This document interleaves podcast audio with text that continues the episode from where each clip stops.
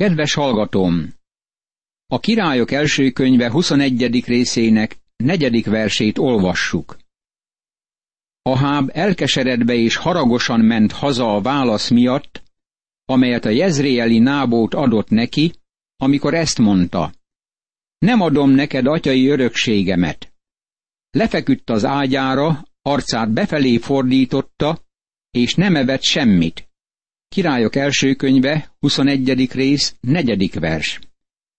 Ahábnak nem sikerült az első próbálkozás, ezért hazamegy, és nyűgösködik, mint egy kisgyerek. Aháb gonosz volt, és még az éjségsztrájkot is bevetette, mert nem tudta elérni, amit akart, és nem tudta megszerezni a szőlőskertet. Ahábnak nem volt semmi ötlete arra, hogy miként szerezze meg Nábót szőlőjét, de Jezábelnek volt. Biztosítlak arról, hogy majd kitalál valamit, ami mégis lehetővé teszi férjének, hogy megszerezze a szőlőt. A felesége, Jezábel azonban odament hozzá, és így szólt. Min keseredett el úgy a lelked, hogy semmit sem eszel? Ő így válaszolt. Beszéltem a jezréeli nábóttal, és azt mondtam neki, hogy adja nekem a szőlőjét pénzért, vagy ha úgy tetszik neki, szőlőt adok helyette. De ő azt mondta, nem adom neked a szőlőmet. A felesége Jezábel ezt mondta neki. Hát nem te uralkodsz most Izraelben? Kelj föl, egyél és légy jókedvű. Majd én megszerzem neked a jezréeli nábót szőlőjét. Királyok első könyve, 21. rész, 5., 6. és 7. vers. Jezábel uralkodó típusú, elférfiasodott nő volt. Én magam is féltem volna tőle, meg kell vallanom. Gonosz asszony, és mégis megszerzi a szőlőskertet. Egy jó kis összeesküvés sző, és bevon két istentelen és törvényt nem ismerő embert, hogy tanúskodjanak Nábót ellen. Azt mondják, hogy Nábót káromolta Istent és a királyt. Nábótot aztán kiviszik a városon kívülre, és halálra kövezik. Lehetne elképzelni ennél igazságtalanabb eljárást? Ez nagyon sokszor megtörtént már a világtörténelemben. Sokszor a csúcson levő emberek, akiknek megvolt mindenük, kizsákmányolták a kisembereket. Nábótot halálra kövezték. Vajon Ahábnak ez sikernek számított? Barátom, a bűnnel nem lehet boldogulni. Nem törődöm vele, ki vagy, eljön a nap, amikor minden bűnt kiegyenlítenek. Eljött Aháb életében is az a nap. Amikor Jezábel meghallotta, hogy agyon kövezték Nábótot, így szólt Jezábel Ahábhoz. Kelj föl, vedd birtokba a jezrieli Nábót szőlőjét, amelyet nem akart pénzét neked adni, mert nem ér már Nábót, hanem meghalt. Amikor Aháb meghallotta, hogy Nábót meghalt, fölkelt Aháb, lement a jezrieli Nábót szőlőjébe, és birtokba vette azt. Királyok első könyve, 21. rész, 15. és 16. vers. Ezért Jezábel megérkezett, és meghirdette férjének, Ahábnak, Nábót meghalt. Most már tied a szőlőskert. Aháb gonoszság alapján szerezte meg. Istennek egy embere van ott. Hála legyen Istennek, hogy ott van az az ember közelben, aki meghirdeti neki Isten szavát. Ekkor így szólt az Úr igéje a tisbei illéshez. Eredj, menj el Aháb izraeli király elé, aki Samáriában lakik, de most éppen a Nábót szőlőjében van, ahová azért ment, hogy birtokba vegye. Így beszélj hozzá. Ezt mondja az Úr. Öltél, és még birtokot is szereztél? Azután így beszélj hozzá. Ezt mondja az Úr. Ahol a kutyák felnyalták Nábót vérét, ugyanott nyalják fel a kutyák a tevéredet is. Királyok első könyve, 21. rész, 17., 18. és 19. vers. Gondolj arra, amit Isten mondott. Ne tévejegjetek. Isten nem lehet megcsúfolni. Hiszen amit vet az ember, azt fogja aratni is. Galatákhoz írt levél, hatodik rész, hetedik vers. Ha beszélhetnénk a múltban élt emberekkel, akár Isten szolgái, akár a sátán szolgái voltak, elmondanák nekünk, hogy ez Istennek egy megváltoztathatatlan törvénye. Jákob rájött ennek a törvénynek az igazságára. Az egyiptomi fáraó, aki megölte a kis Héber fiúkat, azt gondolta, hogy elboldogul bűncselekményével, de egy napon rájött, hogy elsőszülöttje meghalt. Dávid szörnyű bűn követett el, de nem tudott vele boldogulni. Ugyanaz történt vele, mint amit ő okozott másnak. A tarzuszi Saul vezető volt István megkövezésénél, de eljött az a nap Kisázsiában, a piszídiai Antiókiában, amikor őt is halálra kövezték. Tény, hogy meghalt, de Isten feltámasztotta őt a halálból. Itt van az az ítélet, amit Ahában és Jezábelen hirdetett meg Isten profétája. Ezért én veszedelmet hozok rád, és kisöpörlek téged. Kiírtom Izraelből Aháb férfi utódait, apraját nagyját. Olyanná teszem házadat, mint Jeroboámnak, Nebát fiának a házát, és mint Baasának, Ahíjá fiának a házát, a bosszantásért, mert felbosszantottál, és vétekbe vitted Izraelt. Királyok első könyve, 21. rész, 21. és 22. vers. Isten így szólt Ahábhoz. Eltávolítom a te házadat. Nem uralkodik itt a te családod. Isten ezt véghez is viszi. Jezábelről pedig így szólt az Úr. A kutyák eszik meg Jezábelt Jezreel falánál. Királyok első könyve, 21. rész, 23. vers. Mindkét ítélet nagyon határozottan bekövetkezett. A 22. fejezetben meglátjuk az úr Ahábnak meghirdetett ítélete végbemenetelét. Amint követjük az északi királyságban uralkodó király életpályáját, lent délen Jósápát kerül a trónra. Ő jó király, de most szövetségre lép Ahábbal. Három esztendeig nyugton maradtak. Nem volt háború Arám és Izrael között. A harmadik esztendőben, amikor Jósáfát, Júda királya elment Izrael királyához, királyok első könyve, 22. rész, első és második vers. Mi történt, ami egy ilyen jó királyt, mint Jósáfátot, szövetségre késztette egy gonosz királlyal, Ahábbal? Miért kell barátkozni a természetes ellenségével? Ez abnormális szövetkezés, természetellenes egyesség. Ennél a pontnál furcsának tűnik, de rájövünk később, hogy Jórám, Jósáfát fia házasságot kötött Ataljával, Aháb és Jezábel lányával. Ez volt az oka annak, hogy Isten fiai összeházasodtak az emberek leányaival. Egy istenfélő örökséget kapott fiú házasságot kötött egy nagyon gonosz családból származó lányjal. A gonosz befolyás jutott előtérbe. Amikor a hívő és a nem hívő összeházasodik, akkor mindig bizonyos lehetsz benne, hogy a hívő bajba keveredik. Amikor házasságot köt az ördög gyermeke az Isten gyermekével, akkor az ember apósa majd gondoskodik a bajokról. Így szólt Izrael királya a szolgáihoz. Jól tudjátok, hogy Rámód Gileád miénk, és mi mégis tétlenkedünk, ahelyett, hogy visszavennénk Arám királyától.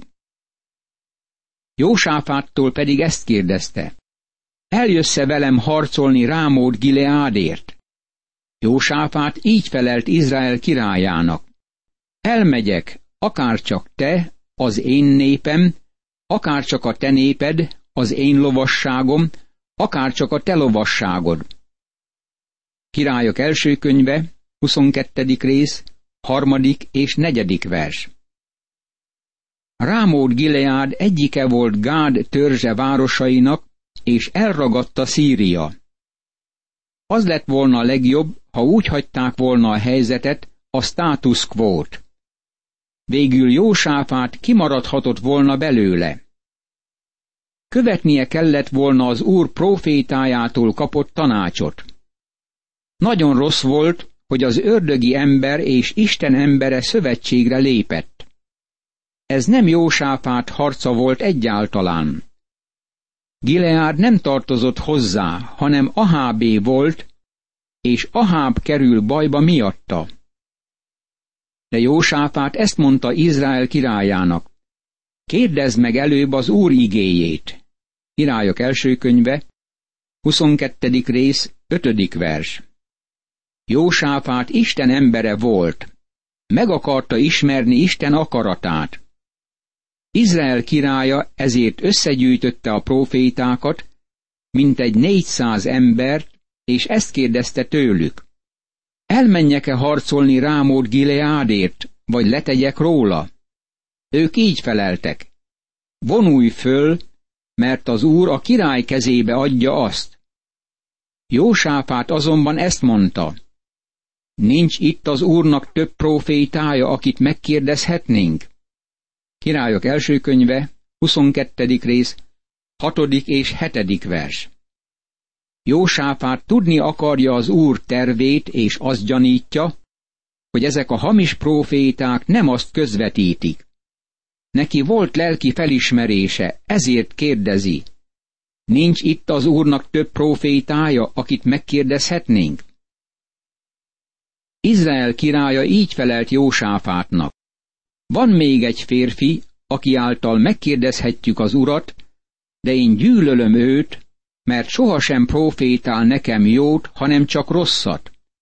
Mikájehu, Jimlá fia az. Jósáfát erre így szólt. Ne mondjon ilyet a király.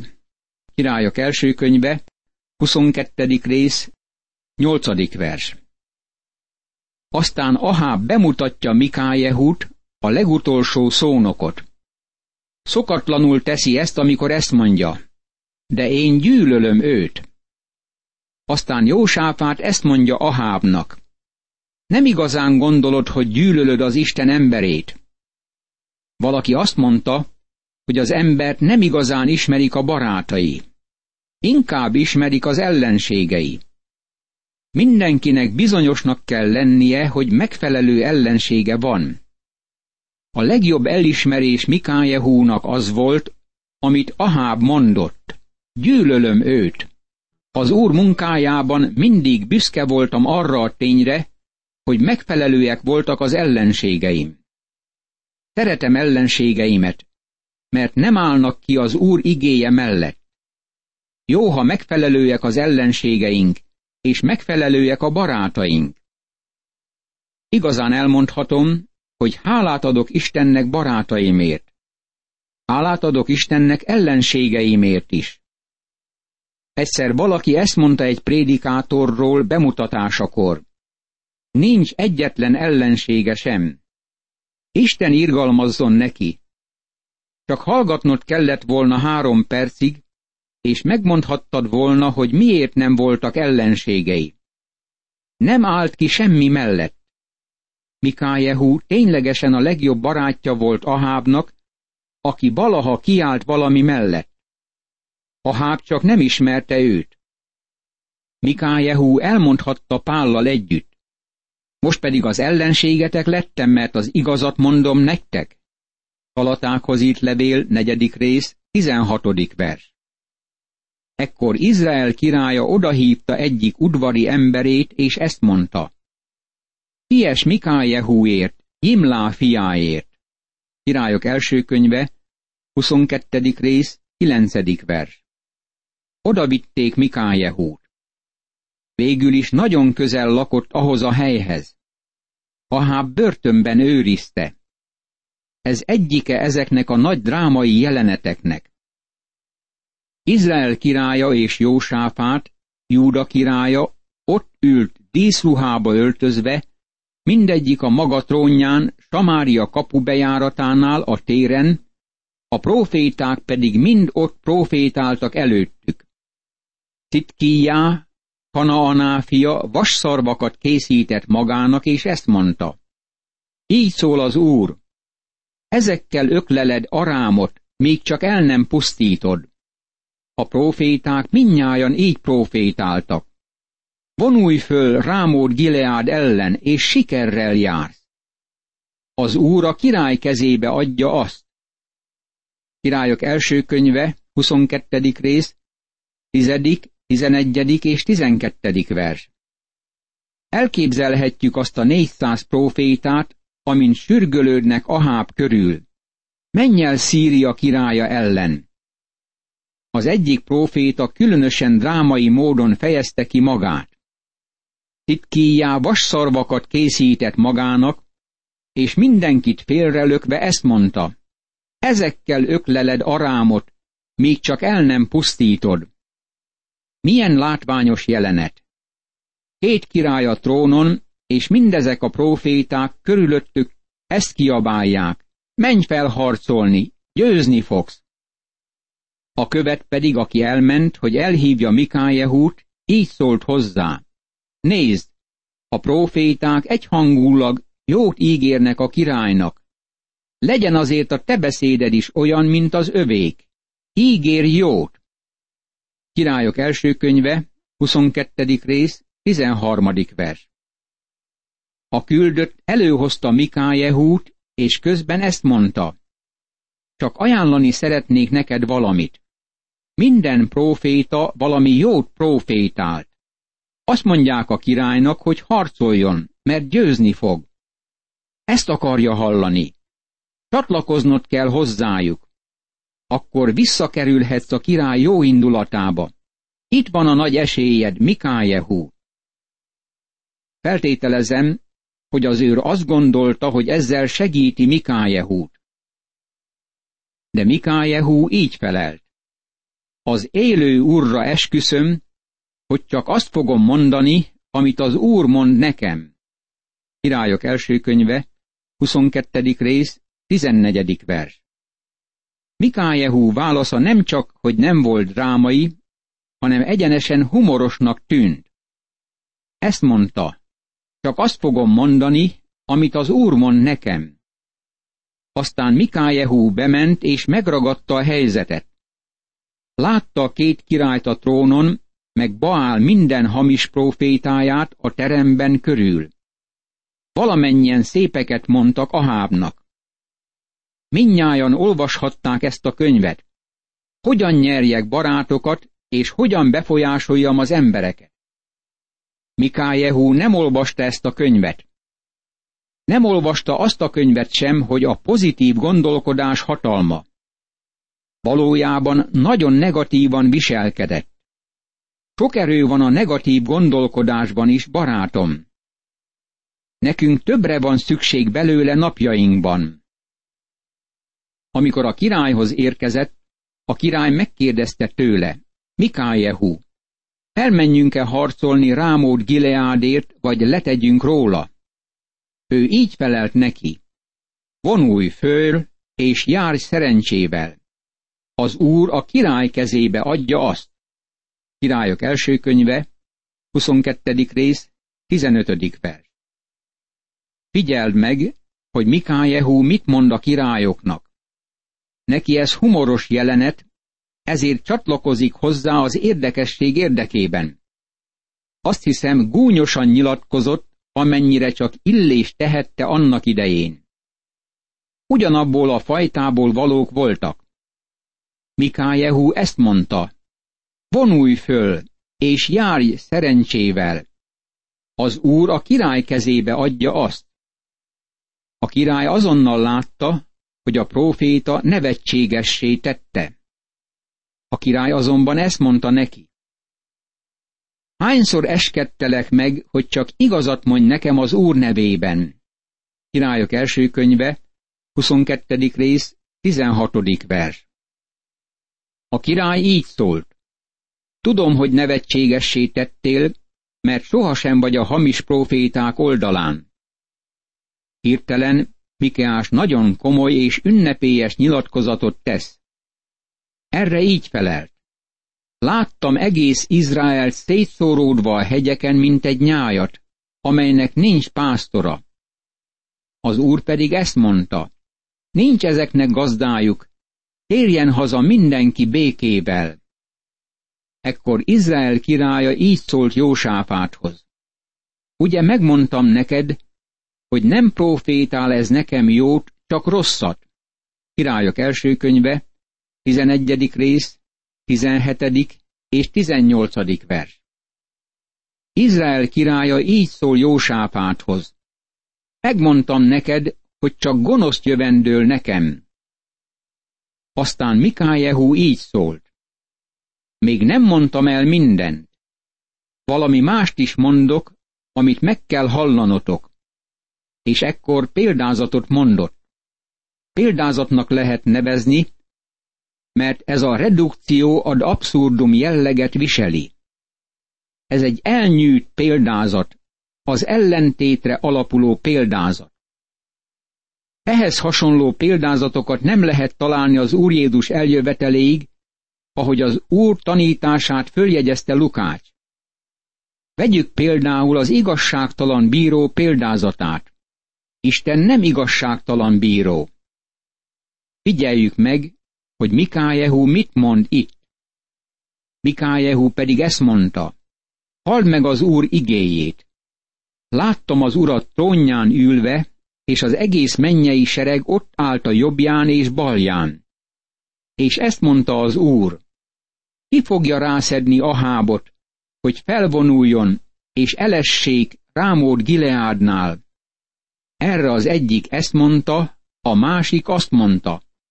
Királyok első könyve, 22. rész, 19. és 20. vers. Hát ez nem nevetséges? El tudod képzelni, hogy Isten összehívja az igazgató tanácsot, vagy az egyházi tanácsot, hogy megkérdezze tőlük, miként kell kezelni egy ilyen ügyet? Isten már tudja, hogy mit cselekszik, és neki nincs szüksége semmilyen tanácsra. Imádkozzunk! Örökkévaló Istenem! E történet alapján is látom, hogy mennyire kell vigyáznom akaratodra és szent lelked vezetésére.